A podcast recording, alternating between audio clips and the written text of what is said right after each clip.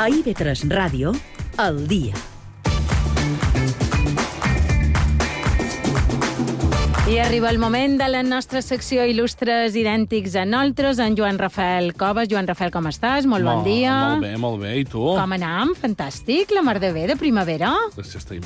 Ah, la, com dia. la campanya electoral encara no ha començat. Avui, Tanta sort. Ah, D'aquí una setmana comença. Què trobes? Tu no trobes que pareix que fa molt que ha començat? Jo ja estic cansat. T'ho deia irònicament, no, precisament. Jo ja estic Pensava cansat que m'agafaries per, per perquè, això. mare de Déu, mare Ah? I, i tremola, Ah, a perquè sense, veure. sense haver començat. Sense haver començat, Allà ja al estan com trutjar. està. Mira, Però d'aquí una setmana, quan façam el nostre il·lustre, haurà començat la campanya electoral. Però bé, encara no, de moment. Així és que anem a conèixer el nostre il·lustre d'aquesta setmana. Vinga.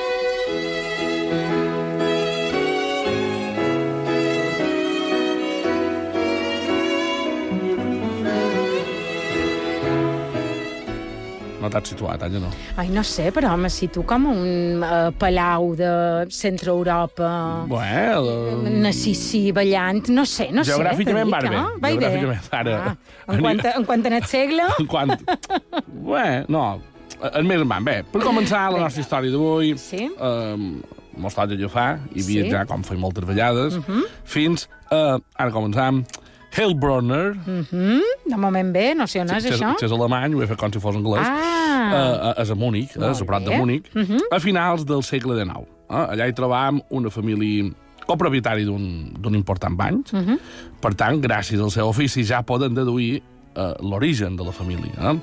Alemany, final del segle XIX, banquers, per tant, això serien... Mm, fa pinta que és jueu. Ah, no sé si encertaré. Sí, correcte, no? molt, bé. Ve d'una família jueva.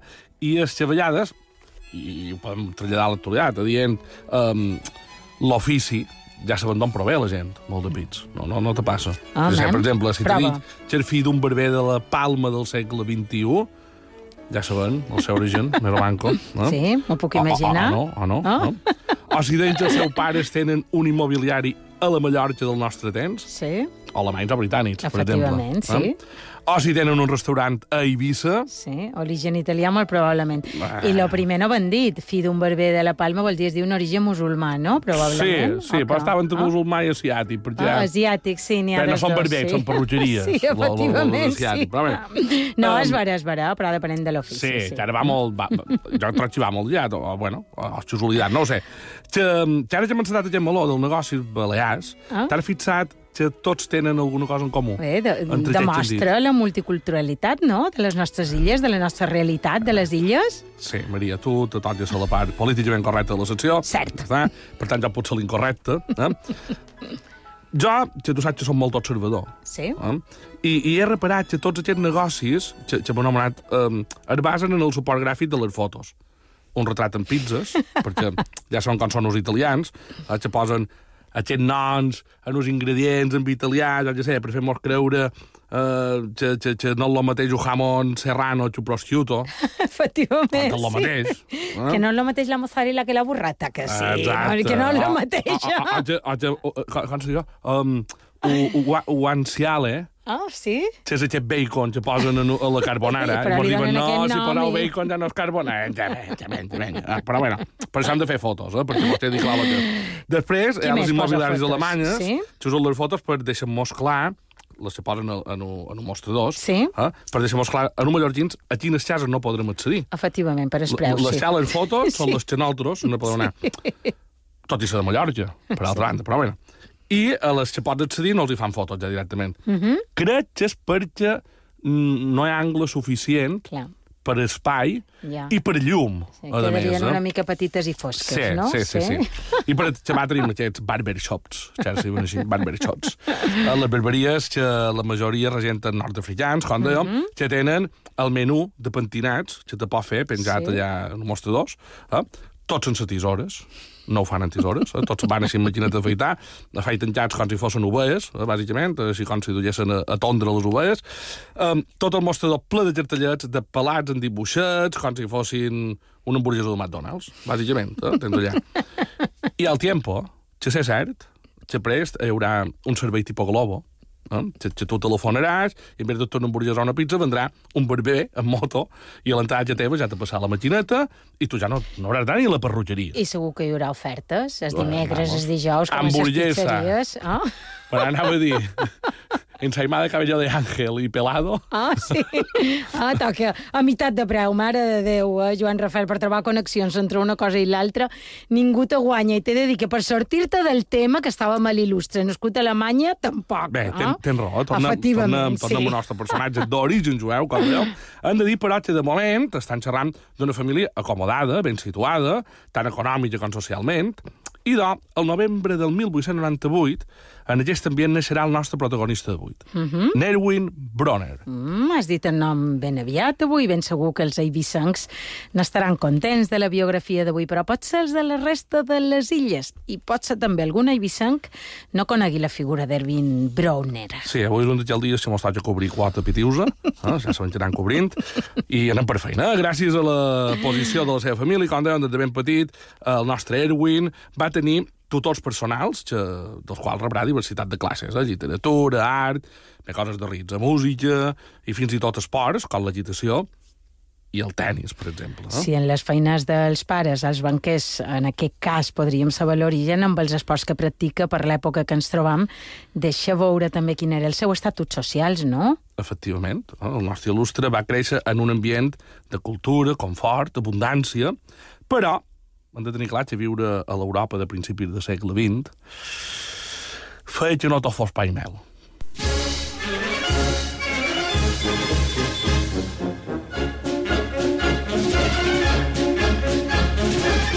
I és que amb el començament de la Primera Guerra Mundial, en Bronner eh, tracta d'incorporar-se com a voluntari a l'exèrcit alemany, comptant eh, la seva la negativa paterna. Eh? Son pare no li deixava perquè no tenia l'edat. Eh? Per això eh, haurà d'esperar el 1916, a la majoria d'edat, per incorporar-se al cos de cavalleria.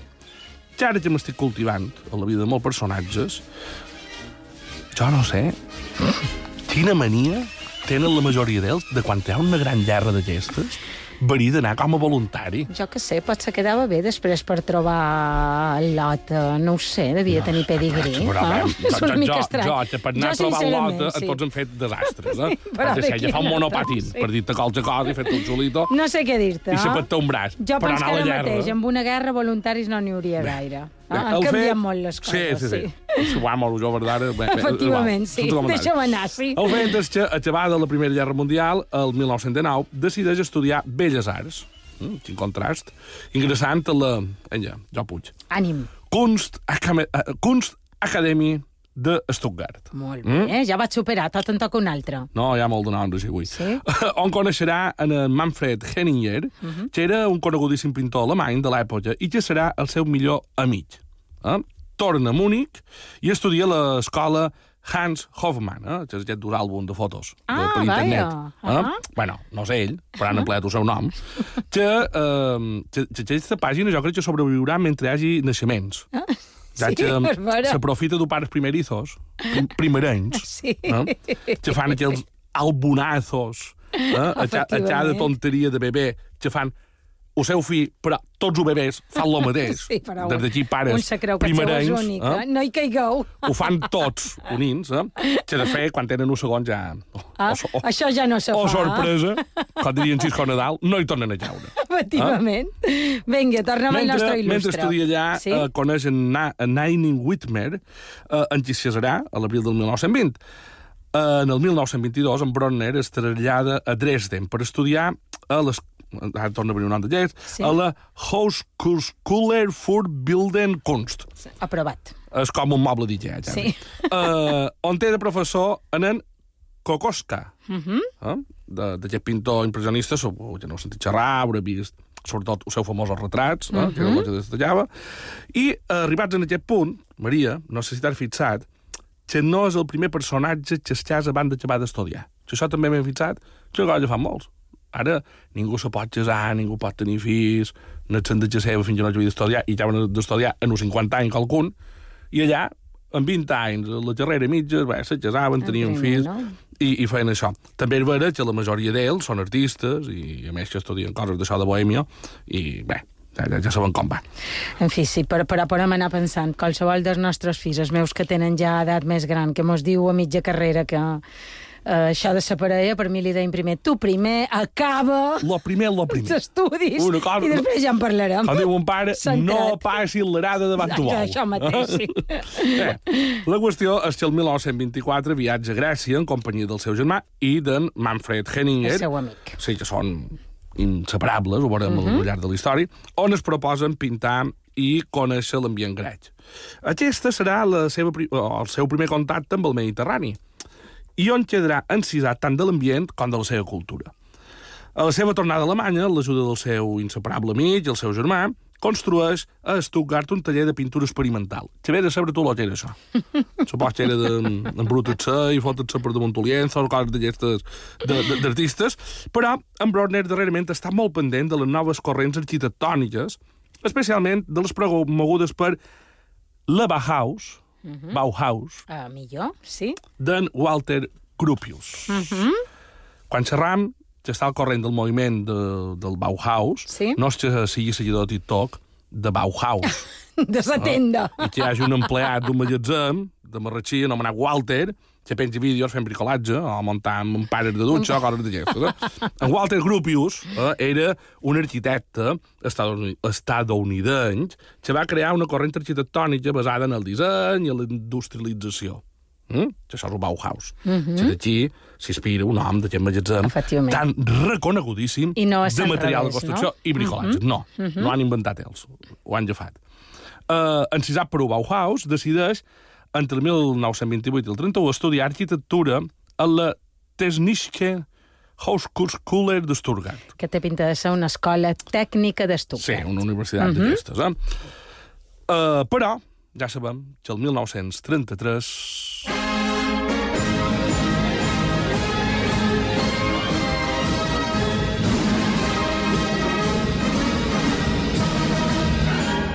Musiqueta de guerra una Ara, altra ara, vegada, ara. no? Doncs ara sona a la Sí? sí? home. A l'arribada del poder del, naciona, del nacional eh, socialisme, eh, bé, d'un nazis, per entendre molt, perquè el tema sí. així supertècnic i la gent també mos entenen que van a la UIB. Eh, en Brodner, que se veu venir a la Brusca, hem de recordar que jueu, eh? Mhm, realitza un viatge de dues setmanes amb el seu amic, en Heininger, a la recerca d'un possible lloc de migració. mhm. De fet, mentre passen per Suïssa, són advertits per na, ma, m- per na Maria Henninger, que si no vaig malament, perquè no he pogut ratificar, és l'esposa d'en de Manfred, que eh, són cercats per la SA. SA no és Societat Alcohòlica, eh, el grup de música. És la policia, que diria són paramilitar, uh -huh. que anava un poc lligada en el Que nacional- jueus, que devien Exacte, dir, sí, sí. anaven uh -huh. com d'espionatge i de més. Per aquesta raó, no poden tornar a Alemanya. Uh -huh. Cercant un lloc de residència, en Brodner arriba a Espanya a l'octubre del 1933, a Barcelona, des d'on emprèn un viatge cap a Mallorca. Uh -huh. Ja de retorn a la península, fa eh, escala a Eivissa. Aquest fet accidental, perquè va ser per un tema tècnic, eh, suposarà el seu primer contacte amb l'illa, on, segons paraules seves, troba plasmat el seu ideal mediterrani, a l'illa d'Eivissa. Uh -huh. Poc més tard, Nerwin, Nerwin Nostro, i el seu inseparable amic Henninger es reuniran en la major eh, de les pitiuses en les seves respectives famílies. A partir d'aquest moment, l'illa esdevé un lloc d'acolliment i d'exili per a ells i molt d'altres alemanys.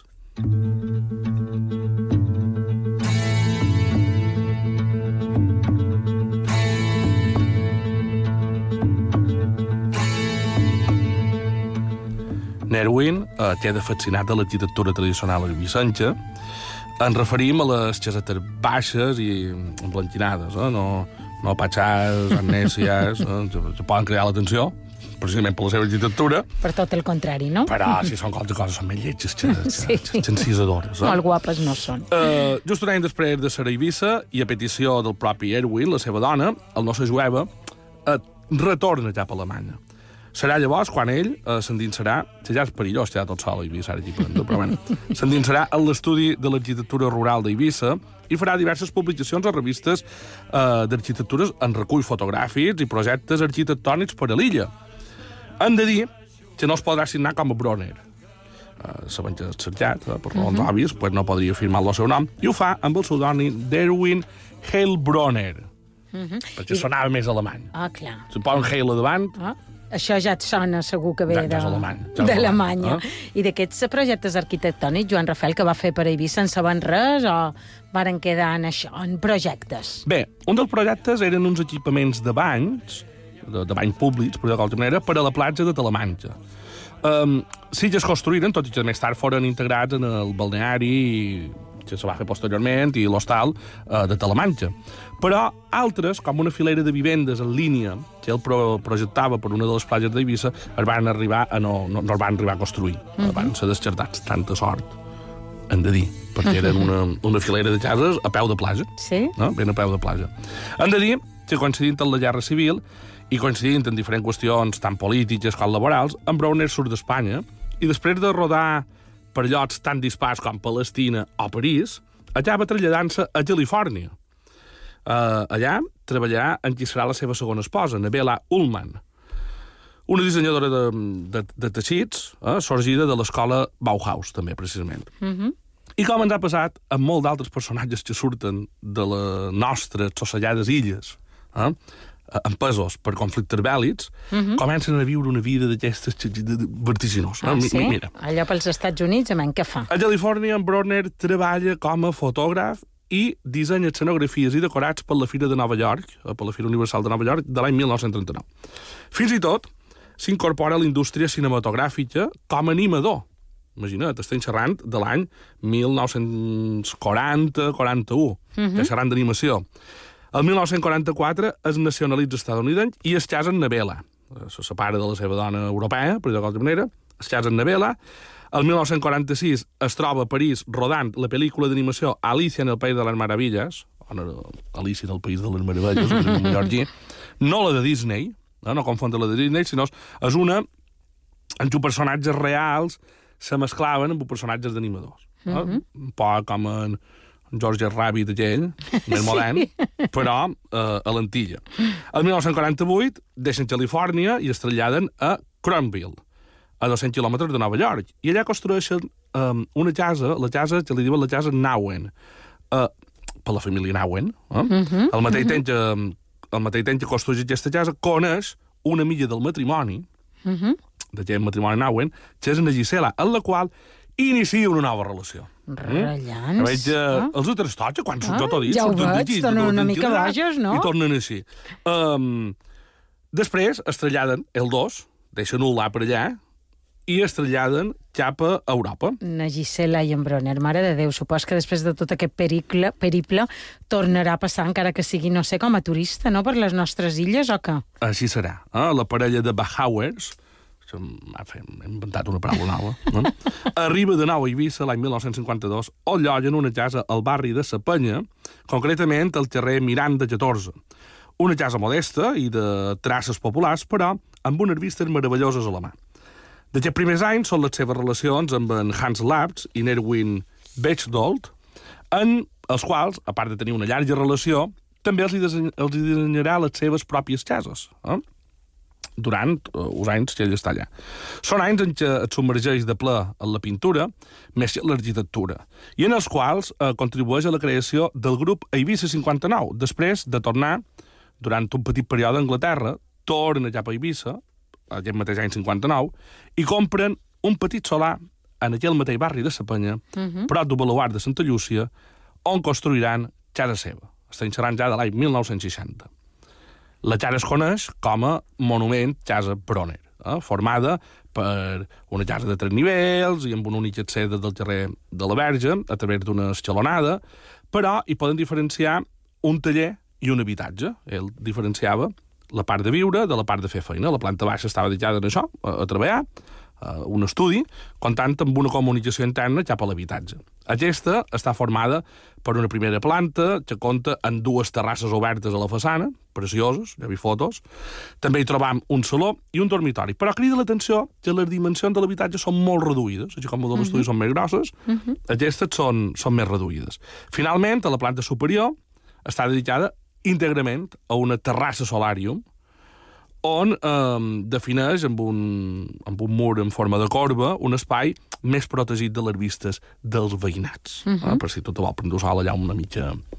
En pilotes. Oh, no ho diguis. Destapat. L'he dit jo. D direm, direm destapat. Eh? En Browner eh, pretenia connectar aspectes de la Constitució tradicional d'Eivissa en senyal propis dels recursos estilístics moderns que el coneixia, on s'acoplen l'essència de l'arquitectura popular i llenca i mediterrani a l'art del minimalisme centroeuropeu.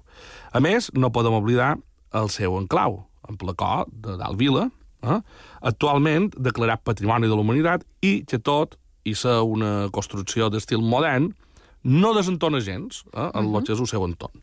A més, cal destacar que tot el mobiliari també és dissenyat per el propi Bronner, no només, digués la construcció, sinó ha de dins, també uh -huh. està dissenyat per ell. O sigui, ja sabeu, si aneu a Eivissa, eh, l'heu de visitar. O si viviu a Eivissa i no hi heu anat, també. Uh -huh. eh, eh, passaria. I que um, hem de tenir en compte que compta amb un règim de visites, que vos heu d'apuntar a la pàgina web de l'Ajuntament d'Eivissa, perdoneu, uh -huh. i, bueno, això crec que és una visita obligada. Molt no interessant. Ens ho apuntam, eh? no només patxar i amnèsia. Eh? Ah? Però no només va fer etxes a seva, com dèiem, eh, a la seva faceta d'arquitecte, va arribar a construir tantes cases, o perdoneu, una trentena de cases. Uh -huh. eh? Generalment eh, per artistes o gent relacionada amb l'art, aquests habitatges recullen i adapten el tipus herbicent tradicional, del qual ell s'havia enamorat només arribar a Eivissa, en el qual eh, bueno, consten d'una una àmplia estada central i que organitza al voltant seu la resta de, de dependències de la casa. Però no tan sol que ha destacat Browner per la seva tasca artística com a pintor, com a arquitecte, sinó també per el seu caire ciutadà compromès, com ho demostra la seva actuació en aquell eh, mateix anomena atemptat urbanístic eh, al port d'Eivissa. Eh? Hi havia un projecte que projectava en el barri de la Bomba un edifici de quatre plantes i que, en gran mesura, gràcies a ell, a la seva influència, acabaria en un edifici de dimensions molt més reduïdes. Eh? També l'any 67 publicaria el diari de Ibiza una proposta de reforma del passeig de Vara de Rei, avui en dia encara vàlida en molts aspectes.